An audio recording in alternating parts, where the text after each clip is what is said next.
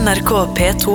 Erlend Lo er en av landets mest produktive skribenter. Han har skrevet 13 romaner, et stort antall barnebøker, fire filmmanus og et par TV-serier, for å nevne noe. Han spiser rå hvitløk hver dag, får stadig lengre skjegg, gråter av Star Wars og har begynt å sykle enhjulssykkel til alle gjøremål.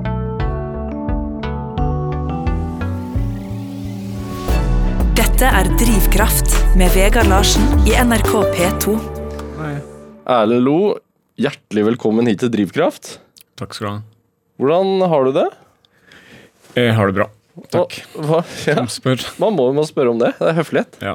Hva, hva syns du om den introen? Nei, jeg satt og tenkte er det, er det sånn jeg er? Er det sånn jeg vil høres ut som jeg er? Um, men den er jo Den medfører jo riktighet, da. Ja. Ja. Gråter av Star Wars. Ja, jeg har gjort det. Jeg har skrevet det i en anmeldelse. Ja, det er det jeg har lest. Ja. Jeg er ganske lettrørt på film, egentlig. Altså når du er og ser film? Ja. ja. Ikke, ikke når jeg blir filma, nei. Nei. nei. Ja, når jeg er og ser film, ja. Jeg blir fort med på ganske mange forskjellige historier. Og hvis den der motstandsmuskelen ikke trigges for tidlig, så kan jeg bli med veldig langt i nesten hva som helst. Ja. Men det, for jeg leser jo anmeldelsene dine med eh, glede, og du har jo, selv etter å ha jobbet med film i såpass mange år, og studert film og skrevet manus, og sett antageligvis uhorvelig mye mengder film, så du er ikke blitt noen sånn filmsnobb. Nei, det tror jeg kanskje ikke at jeg er. Um, jeg har studert litt filmvitenskap og sånn, men den um, intellektuelle på en måte nysgjerrigheten legges litt av, og så kobles sanseapparatet veldig fort inn. Um, og det er jeg litt glad for, og det ble jeg aldri lei av heller. Altså Det å sykle ned til byen og se en pressevisning om morgenen, det, det elsker jeg rett og slett. da. Så det det beste er hvis jeg ikke vet noen ting om filmen. Ofte så prøver jeg å glemme tittelen og, og alt. Ja. Og jo større blockbuster nesten, jo bedre, føler jeg. ja. Og at jeg liker alle blockbustere. Nei, kanskje ikke alle, men det virker som du er du, At du har du er, du er faktisk Virker som, i hvert fall i anmeldelsene dine, glad Du har du har en forkjærlighet for Hollywood-film, da. Så for å kalle det det. Ja, på Star en, på en måte. Ja, ja, for all del. Kanskje ikke alle de eh, Marvel og DC-filmene. Det blir absolutt for mye av formelfilm. Superheltfilm, ja. Um, men det var veldig tidlig at jeg oppdaga at hvis jeg skal være en sånn Altså før jeg begynte på filmskolen, som jeg husker ikke, 23-24-åring eller hva det var, i København, så skjønte jeg at hvis jeg skal være en sånn som liker all artfilm og europeisk og russisk, og ikke liker amerikansk film, så er det for dumt. Det er for dårlig, og det instinktet misliker jeg hos andre filmelskere også. Um, jeg syns det står voldsom respekt av å klare å skrive noe som funker for et stort publikum, og som ikke samtidig er dumt, selvfølgelig, da. Og det er mye av det som ikke er dumt. Det er mange smarte folk. Og så er det selvfølgelig altfor mye som er kjedelig, men da enten ser jeg det ikke, eller så skriver jeg at jeg syns det er kjedelig. Men, men, du, men du er jo en eh, prisbelønt og eh, ganske godt selgende forfatter. Du hadde ikke trengt å anmelde film for Aftenposten. Nei, det hadde jeg ikke trengt. Det er sant. Jeg liker det arbeidet, faktisk. Jeg liker å bli tvunget til å formulere noe om hvorfor noe er bra, hvorfor det ikke er bra. Det går litt i, til kjernen i det jeg holder på med. I det hele tatt. Historiefortelling, bok, film på andre måter er det som ja, har drevet meg ganske lenge, da. Siden jeg var ordentlig liten, så skjønte jeg at det var noe i den retningen jeg hadde lyst til å holde på med. Er det litt sånn deilig å bli tvunget til å gå på jobben også? Ja, det er det. Nå har jeg et kontor og har hatt i over 20 år, sånn at jeg, at jeg drar hjemmefra, og det er veldig nyttig. Eh, Men ja, det å bli eh, utkommandert til å se den eller den filmen, som kan være alt mulig rart, det er sjelden jeg ønsker eller får ønske meg ting, sjøl om det også er mulig, eh, er en slags sånn oppdragende ting for meg. Ja. Mm. Som kanskje forfattere har godt av, jeg vet ikke. Men du sier jo at du blir eh, rørt av Ofte blir rørt av film, og kan liksom føle noe da, er det lettere Gråter du lettere av film enn ting generelt i livet, eller? Det kommer litt an på hva som skjer i livet. Jeg kan gråte i livet, selvfølgelig. Uh, men uh, film er jo et medium som er lagt opp for å trigge følelser, og det er nok ikke så mange andre medium som jeg vet om som kan gjøre det i like stor grad. Selvfølgelig musikk, litteratur, men her har du alt i at, uh, Hvis man er dyktig nok, så kan du trykke på så mange knapper. Sjøl for litt sånn hardbarka, halvkyniske eh, folk, da. Ja. At, uh, at, det lar seg gjøre, og det fascinerer meg. Ja. Ja. At du lar deg lure. Fordi de, de, de, vil jo trykke på de knappene så du faktisk skal bli rørt. Jeg blir, merker at jeg noen ganger blir irritert hvis jeg faktisk blir det. Ja, nei, men absolutt. Det handler om hvor tydelig du trykker på de knappene. ja. Men uh, jeg kan være med sjøl om det er ganske tydelig. Ja. Jeg kan være med på bodyguard, liksom. det kan jeg. Ja. Det, um, Erlend du, uh, du sier at du kommer deg ut av døren for å dra på kontoret hver dag. Altså, er, du et, uh, er du et rutinemenneske? Starter du dagen din på samme måte hver morgen? Um, ja, rutine, men ikke noe panikk knytta til den rutinen. Men ja, jeg, jeg våkner nesten alltid ganske, eller veldig tidlig. Hva er det? I dag våkner jeg seks, og da ligger jeg og leser en time før jeg vekker guttene som var hos meg nå, har dem annenhver uke, og får dem eh, av gårde. Og da sykler jeg på kontoret og sitter der til ja, tre-halv fire og sykler hjem igjen. Det er hverdagsrutinen, da. Ja. Det, jeg tenker, for jeg har jo sett deg vi jeg har jobbet som filmanmelder selv og jeg har sett deg på pressevisninger eh, i sentrum her. Og, og du har alltid kommet syklende. Altså Sykkel og Erlend er det, de, Dere følger hverandre, for å si det sånn. Eh, men eh, i dag, hit, så kommer du da drassende med en enhjuling, altså en etthjulssykkel. Eh, kan du beskrive den sykkelen din? Ja, eh, det kan jeg. Den har et veldig stort hjul. Ikke den sirkusaktige varianten som folk forbinder med å trekke på smilebåndet av når de hører om den type sykkel. Dette er en terreng-fettbike med et helt enormt stort dekk. da, Dimensjon. Og ganske høy. Setet kanskje går meg opp til ja, og, godt over midja, liksom. Eller nederst på ribbeina, kanskje. Så jeg blir jo 2,20 eller noe når jeg sitter på den. så det er Kjempeskummelt. Det er en del folk som blir skremt, da, særlig i marka, hvis jeg kommer plutselig bakfra. Og hunder reagerer voldsomt. Eh, de skjønner ingenting. De bjeffer og springer etter meg og sånn. Så det ser nok litt uh, Ser ut som en annen skapning, da. Men ja, den er ganske stor. Ja, jeg ba deg å ta med sykkelen opp hit. Eh, den står jo inne i studio her. Det, men det er jo en det er jo en, unnskyld, det er jo en publik... Altså, det er en magnet. Jeg så, så, bare folk i redaksjonen her strømmet jo rundt deg. Hadde masse spørsmål rundt denne sykkelen. Er det, er det litt derfor også du vil ha Ja, det er sjelden jeg stopper og slår av en prat. Jeg tror det, ikke, det blir liksom ikke den barnevogn- eller hundeeierdynamikken, fordi jeg suser forbi. Ja. Men ja, eh, det blir lagt merke til. Og det var jo først en terskel da jeg skaffa meg den første for eh, jeg husker ikke, åtte-ni måneder siden. Um, hvor jeg føler meg allerede som en liten outsider og litt rar. Hvorfor det?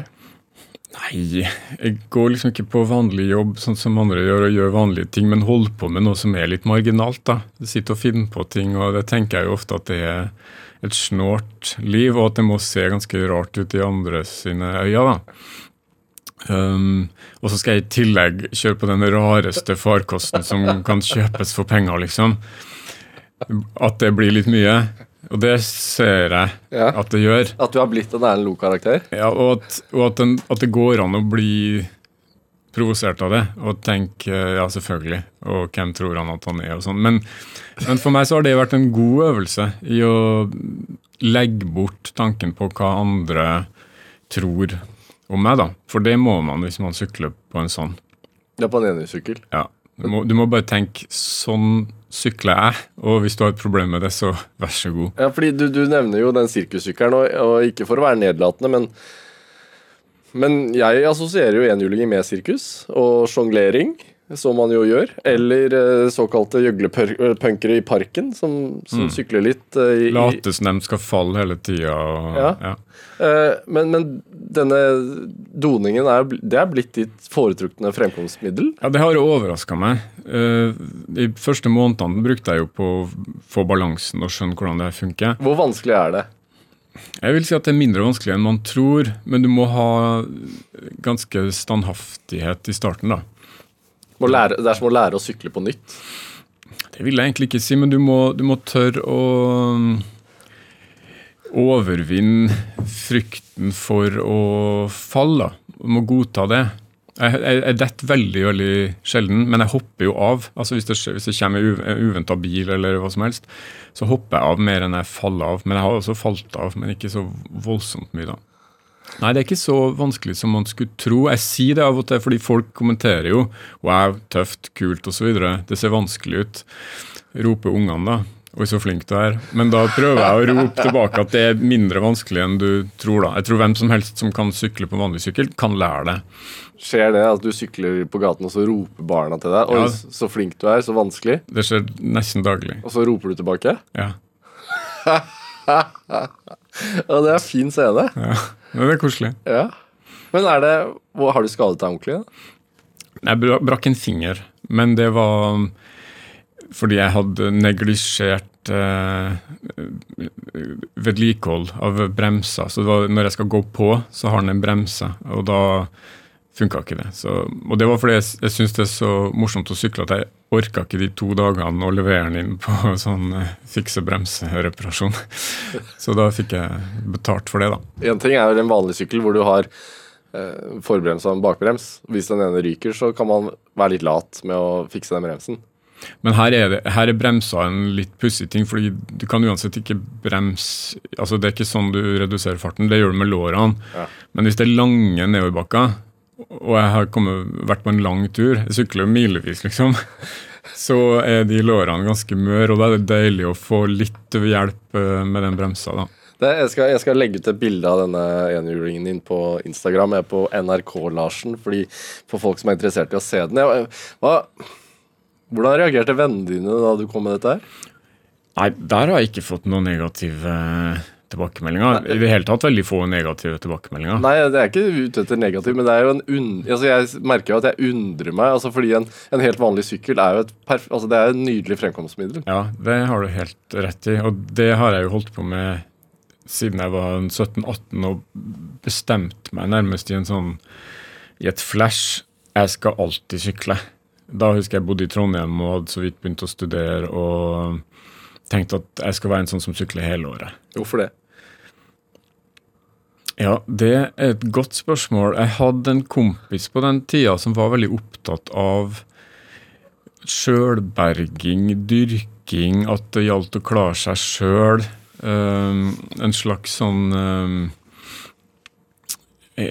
avvisning av det etablerte, på et vis. da.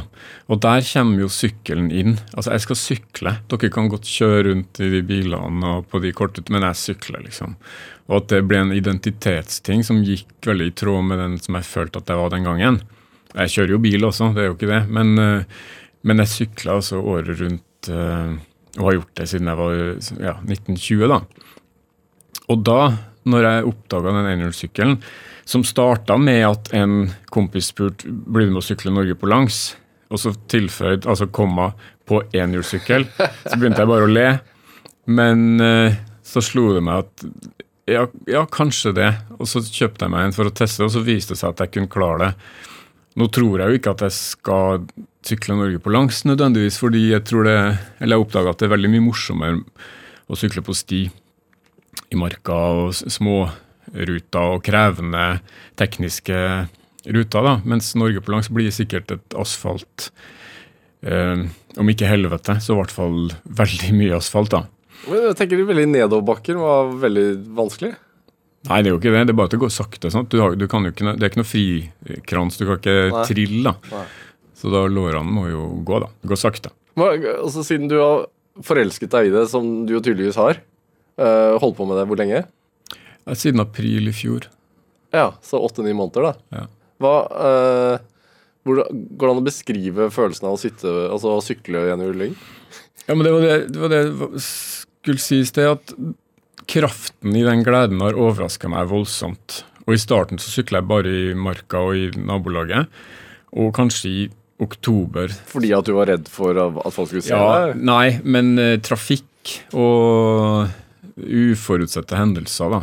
Jeg har sykla såpass mye i Oslo at jeg vet at det er krevende.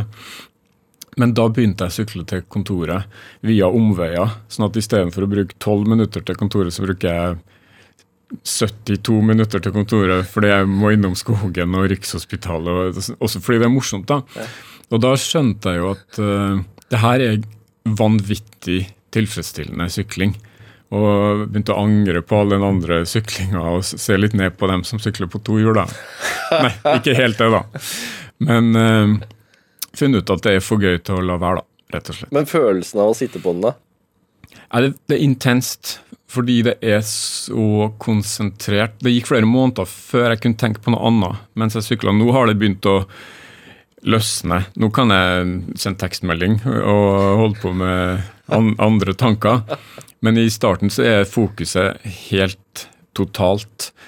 Uh, og jeg er gjennomsvett etter fem minutter, liksom, fordi sant, mage og rygg, hofte jobber kontinuerlig. Sant? Du kan falle når som helst, så du må være veldig til stede. da. Jeg har aldri vært noe sånn mindful eller awareness-aktig dyrk, dyrker av det, men det er det det her er.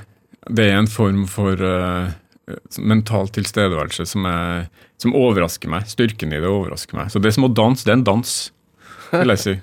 Ja. Enhjulssykling er som en dans. Ja. Det er jo, når du sier sånn man må komme over en terskel der man må innse at man hele tiden kan falle. Jeg føler det er noe, Ja, er det er- det er, det er noe symbolikk her. Ja det, ja, det er det helt sikkert. Men det er jo et Ja, det kan man jo dra langt og si at hele livet er jo på en måte et fall, da. Ja. Som du skal lære deg å takle. Men her er det bokstavelig talt et fall, sant? fordi akkurat som når du går, så setter du en fot foran for å motvirke at du faller. Hvis du ikke gjør det, så faller du. Og her er det det samme. Jeg er egentlig i et kontinuerlig fall, og så tråkker jeg og hindrer det neste halvsekundet sitt fall, og så tråkker jeg igjen. Så det er hele tida en forhandling, har jeg begynt å tenke på, som da, med virkeligheten, som er som føles veldig sånn levende, rett og slett. Det er jo det, det høres jo veldig flott ut, men det, hvis man skal være litt sånn stygg, så kan man tenke sånn eh, Ja, 50-årskrise. Ja, helt klart. Og nyskilt for to år siden, og nye, mange nye ting. Eh, Men samtidig helt i tråd En forlengelse av det jeg har holdt på med i over 30 år, med å sykle hele året og sykle i marka. Og, så det er one louder av det som jeg allerede gjør, da, Ja, tenker jeg. du mestrer tohjulingen. Ja, Var ferdig med den. ferdig med den. Ja. Tror du at uh, du kunne tror du, Eller tror du at du hadde begynt med dette hvis du ikke var forfatter? Altså, du har jo litt bedre tid på morgenen kanskje enn Det har jeg tenkt på. Det er et veldig privilegium å kunne bruke ekstra tid til og fra kontoret. Så det er en del av det. Ja. Um, nei, altså, hvem hadde jeg vært hvis jeg var en annen? Det, det er vanskelig å svare på. Men uh, jeg, jeg håper og tror at jeg hadde oppdaga det uansett. da. ja. Og gremmes for at jeg ikke oppdaga det før. Er det en altså, Bør folk sykle på etter? Veldig. Jeg tror veldig mange hadde kunne ha funnet stor, stor glede i det. Har du fått bedre magemuskler? Ja, det har jeg fått. Sixpack? Nei, det, men jeg har aldri vært opptatt av det. Men ja, bedre form enn eh, noensinne, tror jeg. Dette er Drivkraft med Vegard Larsen i NRK P2. Og i dag så har vi forfatter Erlend Lo her hos meg. Vi har snakka om sykling. Ikke noe særlig om skriving ennå, men det er veldig gøy å snakke om sykling. Det er morsommere å snakke om sykling enn om skriving. Ja, Ja, det syns jeg. ja det er, er det arbeidsskade. Altså Man blir lei av å snakke om skriving. Det er morsomt å skrive, men å snakke om skriving kan være Syns jeg av og til er ganske kjedelig å høre på hvis andre snakker om det. Andres skriving. Ja, det syns det. Forfatterintervjuer er din verste Nei da. Det, det kommer veldig an på. Ja, jeg, jeg tenker på det med sykling fordi Eh, det fikk meg til å tenke på, på Doppler, eh, når vi først skal snakke litt om skriving. Altså romanen din fra 24, altså 2004. Fordi hvis jeg husker riktig, nå er det lenge siden jeg har lest den boka. Eh, den åpner vel med at Doppler tryner på en sykkel, altså ganske tidlig i den boka? Ja, den gjør det. Og, og det, det, utløser jo en trang til at han rømmer inn i skauen fra flinkissamfunnet, som han jo sier. Og, og jeg tenker på også TV-serien som du var med å skrive, 'Kampen for tilværelsen', som gikk her på NRK. Der ønsker jo også en av karakterene i den serien å rømme fra, fra livet sitt, fra kone og barn og villaen, og dra ut på sjøen. Mm. Um, og i en av de første bøkene dine, 'Naiv super', så lukker jo jeg-personen seg inne i et hus, eller inne i leiligheten til broren sin. Mm. Prøver å stikke av fra samfunnet på den måten? Eller sånn hva, Hvorfor er det ofte folk som rømmer i bøkene dine? Nei, men det Det vet jeg ikke, skal du si noe? Ja, eh, det, det, vet jeg jo ikke. men eh, det handler jo mye om at i det øyeblikket man forlater et hverdagsliv og det vanlige, så setter man seg i en sårbar situasjon. Da kan ting skje. Da kan en utvikling skje. Og hvis man tenker på alle de hundrevis av filmene og TV-seriene og bøkene som vi konsumerer, så handler jo dem nesten aldri om folk som gjør helt vanlige ting på, på, vanlige dager. Vi går jo veldig gjerne inn i en historie idet det skjer noe spesielt. Um, så det er nok mange grunner til det. Og så har jeg vel sikkert også sjøl identifisert meg med fra lenge siden, med noen som kanskje er mer på sida enn i kjernen av ting, da. Um, men de må jeg jo egentlig skynde meg å si at når jeg skriver, så er jeg veldig uh, åpen og intuitiv og lekende. og tar det som kommer. Så det, mye av det jeg har skrevet, kommer ut ifra idérekka som er ganske um, ufullstendig. Um, en start, en situasjon, og så improviserer jeg, og det er da jeg har det Det er da jeg koser meg, egentlig. Så ofte så hører jeg jo etterpå at jeg sitter og finner en, en lur intellektuell overbygning for det. Og det kan man jo gjøre. Men det, det, er ikke alltid at det er på plass fra starten, da. Nei. Er det Tvinger du deg selv til det? At det skal være en lur intellektuell overbygging? At, man, at du, du, tenker sånn Aff, dette her er ganske morsomt, men er det smart nok? Nei, ikke i arbeidsprosessen. Nei. Men jeg husker den første jeg skrev, den første romanen min, som het 'Tatt av kvinnen', så var det i én bevegelse, bokstavelig talt. Interrailbillett og en måned og bodd hos noen venner og bodd hit og dit. Og så var den boka ferdig. Og så den, ble den antatt og fikk komme ut, og jeg var jo i fyr og flamme. Og så var jeg helt uforberedt på neste skritt, som var møte med ja, journalister, anmeldere, lesere og masse spørsmål. Og da hørte jeg, da begynte jeg med det. Uh, og var lurere enn boka hadde vært, da. Fordi at uh, Det må jo være noe mer? Ja, nemlig. Ja. Og jeg, jeg, kunne jo ikke sitte og si nei, men det er bare sånn fordi det ble sånn, for det fant det på. Det følte jeg at jeg ikke kunne si. da. I dag føler jeg vel at jeg i noe større grad kan si det. At det, det er bare det du leser? Ja. Men det er jo en rød tråd i forfatterskapet ditt. tenker jeg. Altså, det er jo veldig ofte at det er en hovedperson som går gjennom en krise, men er det utelukkende fordi at det er en god måte å skape drama, drama på, og friksjon og noe å skrive om, eller? Nei, men Krisa er jo eh, interessant. Det er da folk settes eh, på prøve, og settes, alt settes på spissen, og det skjer ting. Det blomstrer, eller det krasjer, eller Det er jo mye, mye derfor. Men det er instinktivt, så er det der jeg tydeligvis leter, da. Fryder du deg over det òg? Ja, det gjør jeg jo. Ja. Absolutt. Det er jo morsomt når ting eh, havarerer og, og krasjer og ødelegges. I hvert fall i fiksjon, da. Ja. så kan det være litt mer smertefullt i eget liv, men, eh, men, likevel. En annen ting som jeg husker fra starten av forfatterskapet ditt, som jeg var veldig opptatt av selv også, det var at du ble en sånn frontfigur for ironien i Norge. Ikke bare gjennom romanene, men også gjennom filmen 'Detektor', som du skrev manus til. Ja. Eh, hva, hva tenker du om ironi som humorredskap i 2020?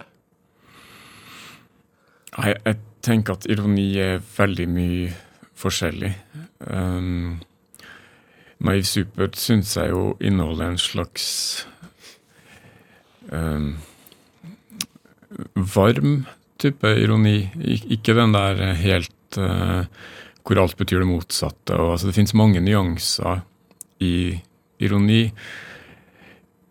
Hvorfor jeg har utvikla en sånn humor, er jo ikke, og mange andre i min generasjon, og sikkert andre generasjoner, syns jeg er vanskelig å vite. Men 90-tallet var jo prega av store ideologier og samfunnsprosjekter som hadde krasja overalt. Um, hvor skulle vi gå videre? Var det noe vits i noe som helst? Det var, det var en hva, hva, Hvilke samfunnsprosjekter var som hadde Nei, det var jo, Der var det jo spesielt tydelig at uh, det sosialistiske og kommunistiske hadde krasja nokså fundamentalt. da. Blitt avslørt på et vis. Og dem som hadde opplevd det, hadde fått tilbake, i hvert fall sånn som det oppsummeres ofte, en slags uh, frihet som hadde vært frarøva dem i i 70 år. Samtidig hadde vel, vil jeg si, religion, i vår del av verden i hvert fall, i ganske stor grad forvitra.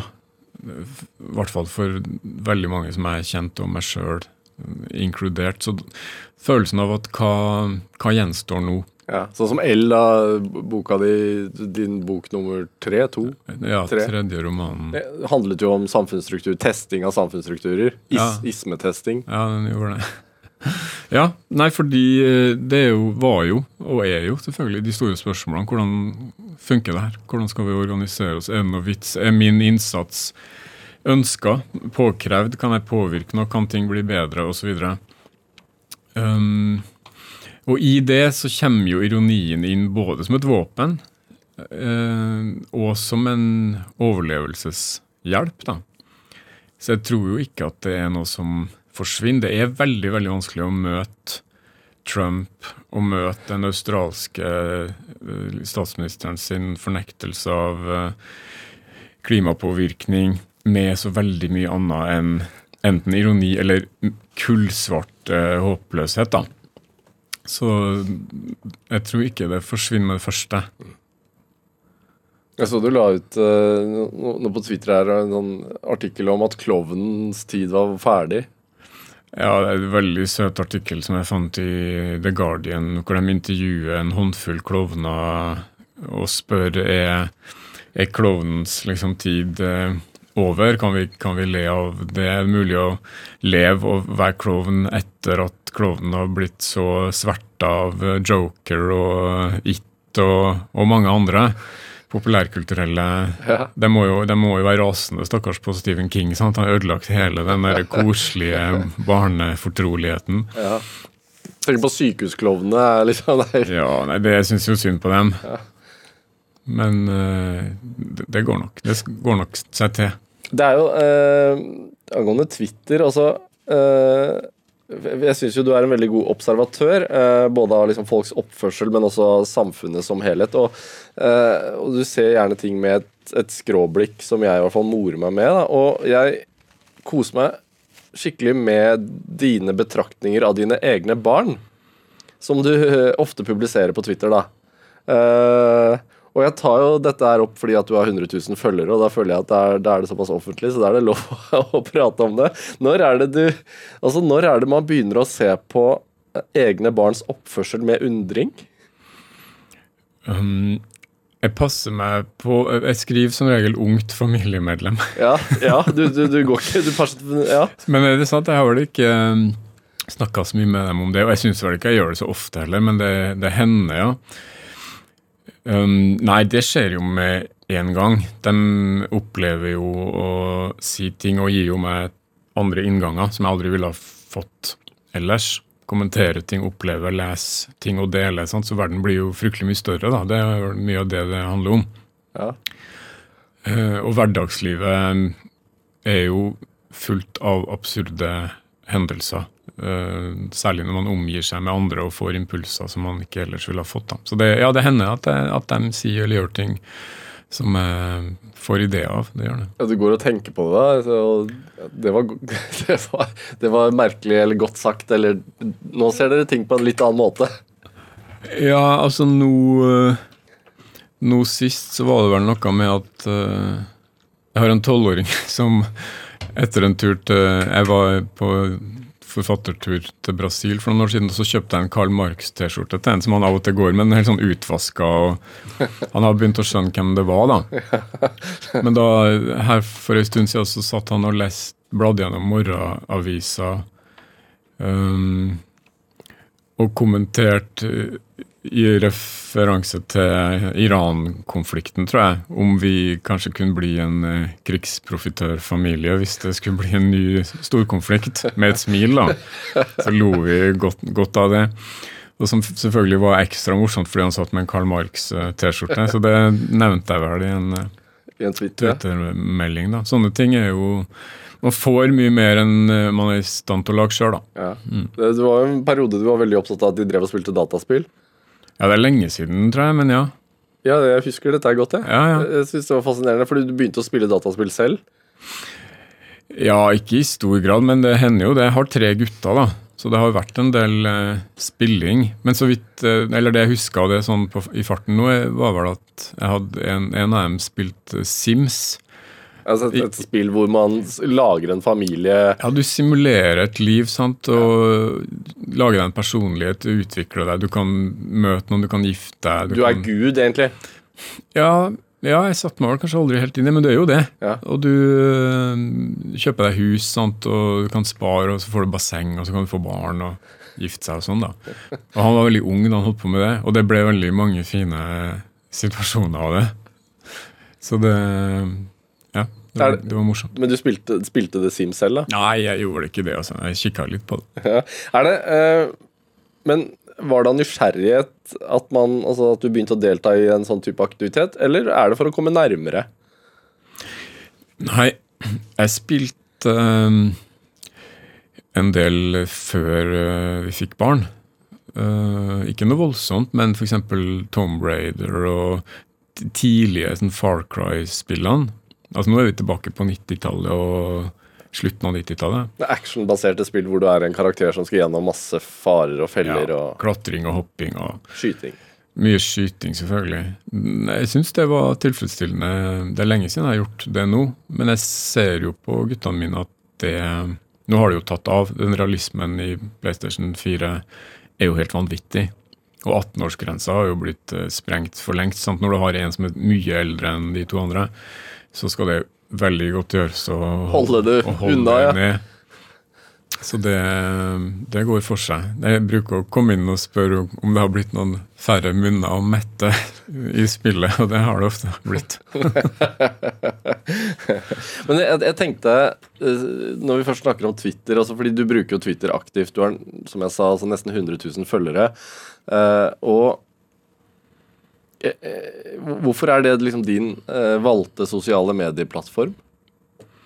Ja, det der er egentlig et godt spørsmål, for jeg har ikke noe sånn supergjennomtenkt svar på det. Men jeg oppdaga Twitter eh, for kanskje 10-11 år siden. Um, og for meg så kommer det mye forbi på Twitter um, som er ganske oversiktlig. Har du lest denne artikkelen, har du sett det her? Og mye vås òg, selvfølgelig.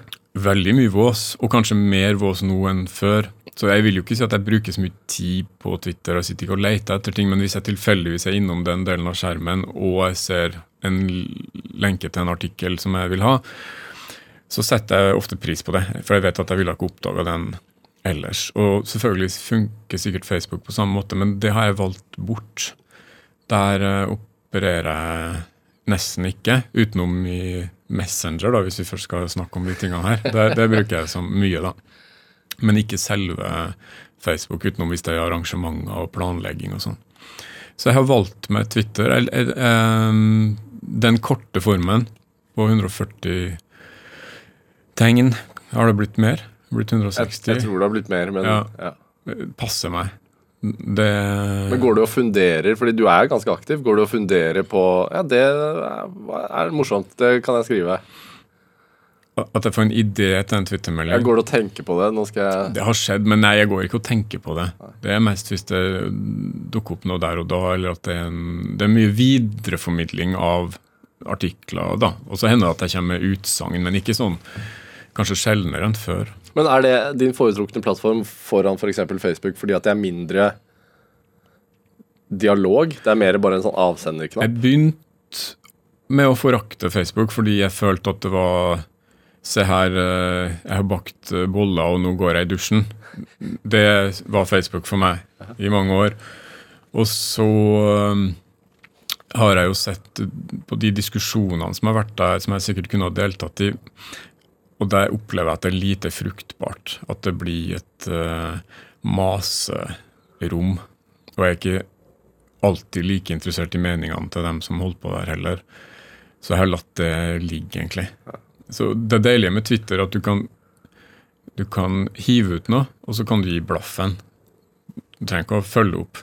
Og det liker jeg litt. Jeg, jeg, jeg, leste i, i, intervjuboka 'Smilefjes', som, eh, som, er jo en intervjubok med deg, der uh, forskjellige norske personligheter uh, intervjuer deg, rett og slett. Det er en intervjubok av Erlend Loe. Det er ganske interessant i seg selv å bli, bli, bli utsatt for noe sånt. Ja, det var litt både òg, det. Men uh, ja, det var i forbindelse med at jeg ble 50 i fjor, så fant forlaget ut at vi skulle gjøre det. Og det, jeg syns jo det satte jo pris på det. Og der, der leste jeg med begeistring intervjuet som Kim Hjorte gjorde med deg. Han er jo mangeårig samarbeidspartner og venn. Ja. Uh, og, og, og, dere snakker om en veldig sånn ubehagelig opplevelse på Twitter for deg. Ja, det er sant. Uh, fra en leser som hadde da lest Naiv Super, og han holdt til i Nord-Irland. Ja, det var en Jeg husker ikke navnet hans nå, men han tok sånn direktemeldingkontakt på Twitter med at uh, han satte veldig stor pris på Nei Super, takka meg for det, men trodde likevel ikke han, han, hadde lyst til å leve. Så det var en, en slags sånn veldig mørke i det. Og så svarte jeg vel ja, det håper jeg jo du finner ut av, og så videre. Og så gikk det vel noen dager, jeg husker ikke helt nøyaktig nå, men så kom det mer sånn direkte selvmordsmeldinger. Nå er jeg på vei til ei bro jeg visste ikke hvilken by det var. Jeg prøvde å google navnene. og jeg hopper liksom og takk for alt omtrent. da. Og, det, og kjæresten min kommer uansett til å forlate meg, så det noe, gjør meg ikke noe gladere at jeg har en kjæreste. Og helt tydelig en, et ungt og veldig forvirra menneske som burde fått akutt hjelp. da. Så ja. det var veldig ubehagelig. Da, da, ringte jeg til slutt til politiet. Hva kan jeg gjøre? Kan, kan de ta kontakt med noen i om det nå var Belfast eller Uh, ja, og ringt noen psykologvenninne. Uh, og vet egentlig ikke hvordan det gikk med han. Så det fikk ikke tak i han etterpå. Og, og Twitter-kontoen hans var borte. Så jeg, det vet jeg ikke. Frykta var nesten det verste. Det er sånn, så Lesekontakt kan jo være så mangt, men det der må jo være en helt sånn forferdelig opplevelse. Ja, det, det var litt uh, ille. Og samtidig hva kunne jeg gjøre. Altså, jeg gjorde det jeg følte at jeg kunne gjøre, da. Ja. Og det var, det var ei uke hvor jeg drev og maila han med oppmuntrende ord, da. Eller eh, sendte meldinger og om han hadde noen psykolog på skolen eller universitetet som han kunne Og han fikk laga seg en avtale, og, men så ble det enda mer sånn Ja, men nå, nå er det slutt i natt, liksom. Nå er det ferdig. og Det er veldig ubehagelig og skummelt. Ja. Det men, men begrensa hvor stort ansvar jeg hadde for det, da, tenker jeg. Ja, Du har, ikke noe ansvar? Nei. Nei, man kan jo lage seg det, da. Men uh, jeg prøvde, men jeg vet ikke hvordan det gikk. Ja. Er det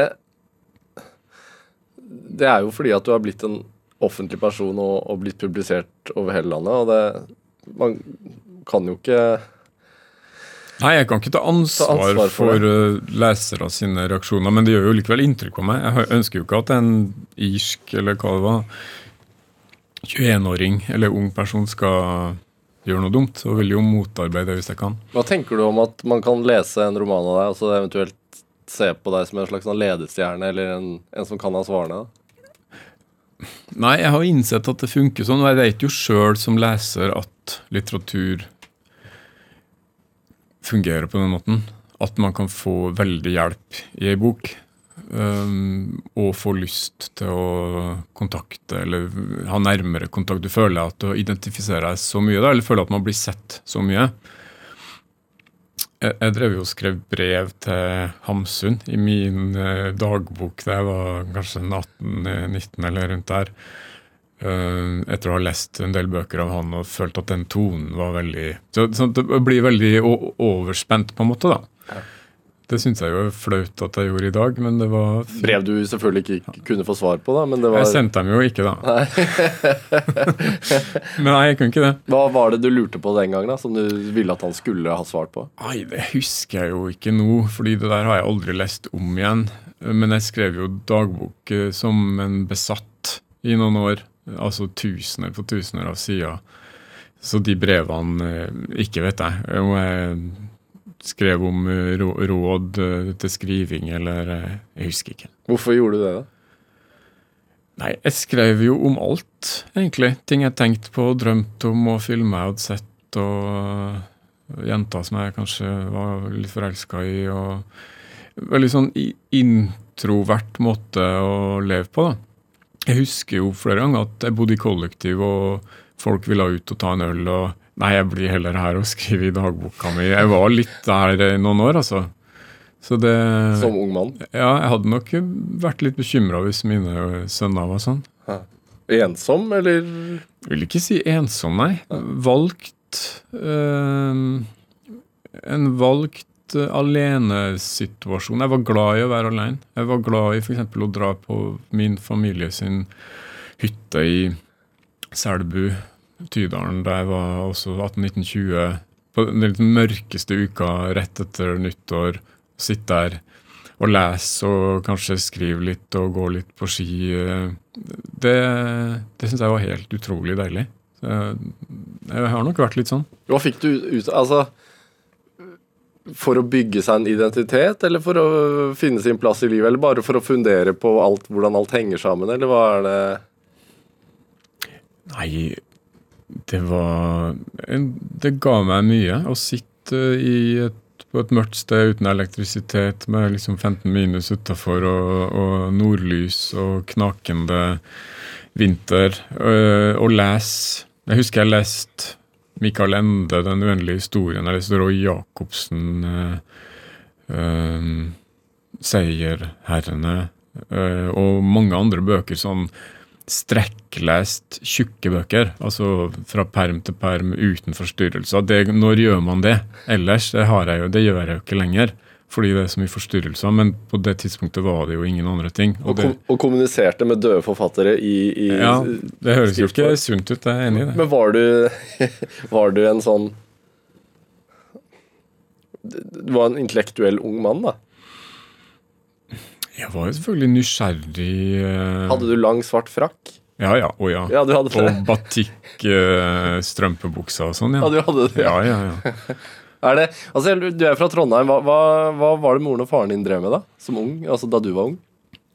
Eh, Faren min har vært uh, lærer i videregående skole. Og mora mi var sosionom og jobba i forskjellige, forskjellige egenskaper i eh, sosialt eh, og psyk psykiatrisk helsevesen. Men var det masse bokhyller, og så var det de som trigget din kreativitet, tror du? Det vil jeg nok si at de hjalp til med i veldig stor grad. Jeg var enebarn til jeg var åtte, og de leste fryktelig mye for meg. eh, uten at de hadde noen plan bak det, men at vi var mye sammen og leste mye. Og jeg fikk tidlig en stor glede knytta til å oppdage andre sin fantasi eh, gjennom skrift. Og, og sånn respekt for det å skrive, at det er en helt fantastisk måte å nå andre på. Så de har helt klart hjulpet til med det. Men jeg tenker på de forfatterne som du nevner som ga, gjorde så sterkt inntrykk på deg. Du skriver jo en litt annen stil enn dem. Ja, å ja, absolutt. Um, jeg tror kanskje ikke stil er noe man velger. Uh, men min stil er jo ganske meg. Og den ble utvikla i de dagbøkene der. Og jeg skriver på samme måte, jeg har gjort det i mange år. Føler kanskje at jeg utvikla meg i noen grad. Da. At jeg er i stand til å uh, ta et skritt til sida og velge en, en vinkel uh, som ikke er en dagbokvinkel. Men uh, det, ja, det ble nok satt i de årene der. Og Likevel så søkte du deg på Kunstakademiet for å lage videokunst? Ja, det var jo en parentes i livet. Jeg var veldig utålmodig. Jeg studerte på Universitetet på Dragvoll filmvitenskap og litteraturvitenskap. Um, men visste jo at jeg ikke var noen akademiker, og at jeg ikke skulle bli det. Så jeg var hele tida Hva kan jeg bruke det her til? Hva får jeg ut av det her? Så når det ble for mye av de franske teoretikerne, så holdt jeg ikke ut. Det klarte jeg ikke. Fordi det var ikke dit jeg skulle. Altså sånn intellektuell uh, fin, finspilling eh, som var for et ekkokammer av andre som skulle si hvor flink man var, det orka jeg ikke, da. Men jeg satte veldig stor pris på å lese meg gjennom store deler av litteraturhistorien og tenke det her liker jeg, det her kan jeg i mindre grad få noe, få noe ut av. Men så var jeg utålmodig, så, så, jeg hadde vel møtt noen som gikk på Kunstakademiet, skjønt at der kunne man søke uh, eh, laga noen rare en, en, rar video hvor jeg hadde et litt sånn tjukt, hvitt strikk på hodet. For jeg hadde jo heller ikke hår på den tida. Litt stramt, og så kunne jeg liksom heve øyenbrynene og røre bitte litt på hodebunnen. da, Og så gikk det strikket utrolig sakte oppover. Men, og jeg måtte gjøre stadig mer grimaser sånn, for å få det til. Og så plutselig så spratt det av en ganske sånn stor høyt opp. Og det, det var bare, bare, en live, eller en filming av hele den prosessen. Og det, i tillegg til et intervju og ei uke med opptaksprøver, så kom jeg inn, da. Og, og det ble jeg jo litt begeistra. Oi, kult, liksom. Så gikk jeg der et par år òg på universitetet og skrev bok før jeg kom inn på Filmskolen i København. Da. Og der visste jeg det var det jeg skulle. Ja. Så det var en slags uh, innledning til det. Jeg laga noen musikkvideoer og En film som het 'Onan i parken', har jeg fått med meg. Er Det sant. En fyr som står og onanerer i parken til Bachs uh, cellosuiter. Jeg husker ikke helt hvorfor det var eh, Om den filmen hadde et poeng, eller hva det var, men uh, ja. Jeg et, må ikke ta dette feil, men jeg sånn for uh, hvis man ser ting i litt perspektiv, så er jeg glad for at du ble forfatter og ikke videokunstner. altså Hvis den strikken var representativt for det du skulle ja. Nei, jeg hadde nok ikke så mye der å gjøre. Du har rett. Dette er Drivkraft med Vegard Larsen i NRK P2. Og I dag så har vi forfatter Erlend Lo her hos meg. Jeg lurer på en ting, fordi I anledning lanseringen av Doppler, og det er jo da nå 16 år siden, så, så uttalte du at du syns nordmenn er verdens mest egoistiske og sympatiske folkeslag. Eh, eller mest sympatiske og egoistiske, sa du vel.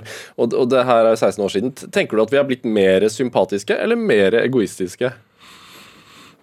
Det er alltid litt vanskelig å bli konfrontert med ting jeg sa for eh, mange år siden som jeg ikke husker at jeg har sagt. Men greit. Um, nei, jeg syns kanskje ikke vi har blitt uh, mer uh, sympatisk eh, på de 16 årene, siden du spør. Hvorfor, på hvordan måte? Nei, jeg syns Norge har uh, forandra seg veldig fra jeg var mye yngre, da. Uh, at det var en rest av den der kollektive etter krigen, og nå bygger vi landet-følelsen. Med dugnader og um, en viss uh, felles omsorgsfølelse. Som i dag uh, selvfølgelig er ikke bort. Jeg syns jo vi er greie. Jeg liker jo Norge, jeg bor jo her og liker nordmenn og syns det er mange, veldig mange bra ting her. Men at det, den individualismen som hersker i dag, er noe helt annet. Og materialismen og Det er jo ikke originale ting å si, men, men det man skal ikke ha vært her fryktelig lenge for å observere at det er et uh, trekk ved nordmenn i dag. Ja. Jeg hadde Kristoffer uh, Schou her hos meg her forleden, og han blir også 50 i år. Uh, og, og han fortal, fortalte meg at han, han var glad for at han endelig har kommet til en alder hvor han ikke lenger orker å bli så provosert av ting som han syns er feil. Og, og da lurer jeg liksom på om du selv merker en resignasjon over, over tingenes tilstand. At du bare ja, ja. Ja, jeg er jo ikke politisk eh, aktivist, f.eks. Um, men den resignasjonen gjør jeg heller om til ideer som jeg kan bruke. Da. For det å gå rundt og være resignert er jo veldig uproduktivt og kjedelig og en lite framtidsretta eh, ting å gjøre. Så eh, det er mer at jeg observerer, og så kan jeg, jeg kan bli glad av kynisme, sant? Og, fordi jeg kan bruke det til noe, da. Men ja, jeg er jo litt, eh, er jo litt sånn dere får nå bare holde på-aktig. Ja.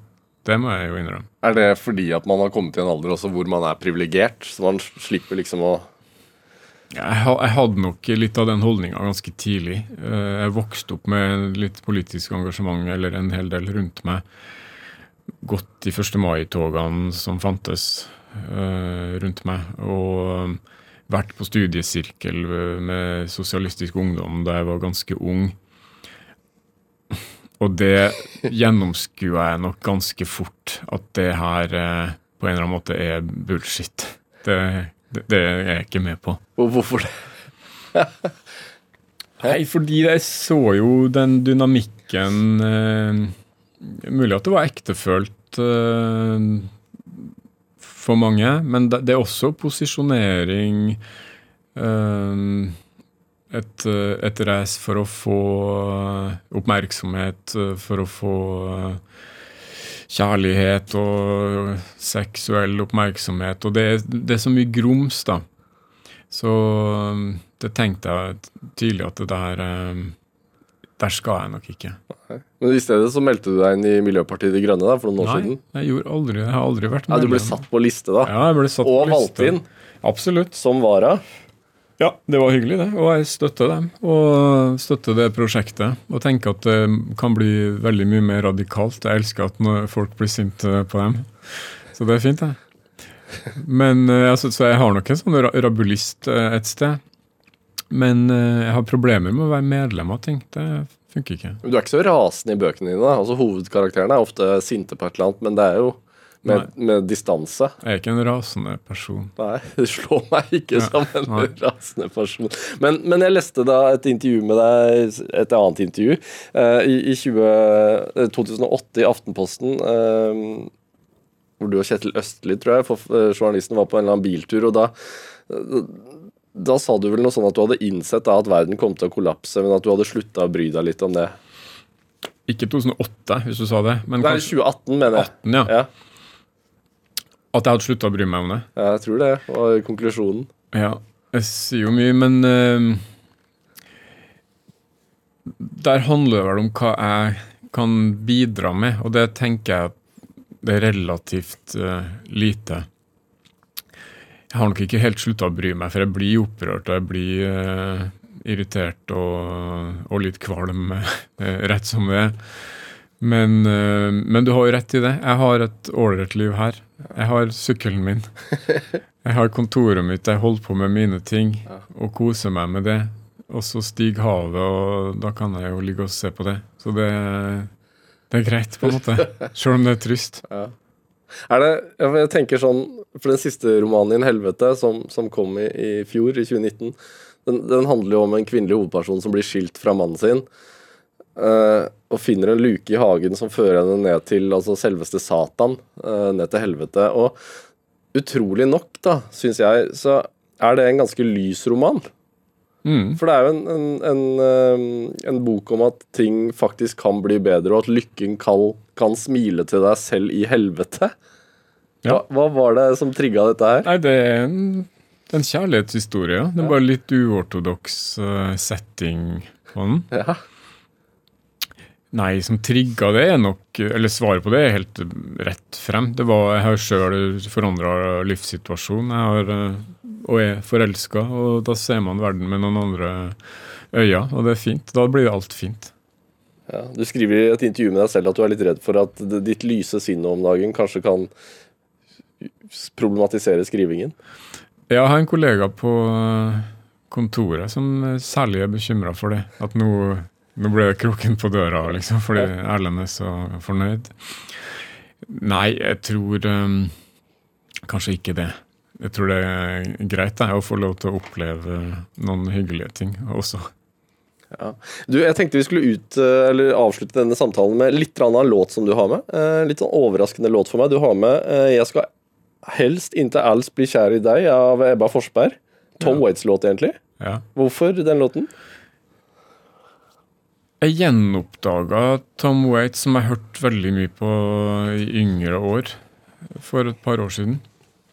Og i forlengelsen av det så oppdaga jeg også eh, Ebba Forsberg, som har gjort svenske versjoner veldig fine av en god del av hans uh, låter. Og den, det er jo en kjempefin kjærlighetssang, uh, syns jeg. Og sier noe om ditt indre om dagen. Ja, det gjør jo på en måte det. Ja. da får dere den. Dette var Drivkraft.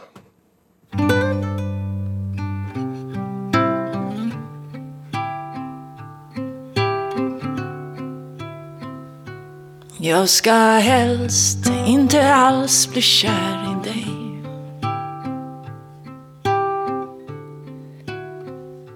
Att bli kär är inget bra för mig Musiken er for skrellig her. Ser det noe du vil? Jeg har taget et glas og tror et tag det är mig det ropar til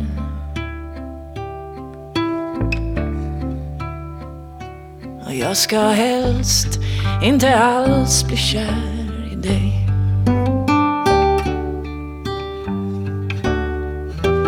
Det er fullt med folk, människor överallt Här i baren finns en ledig pall. Dette var et gjenhør fra Drivkraft i formiddag. Etter nyhetene får du Ekko her i NRK P2.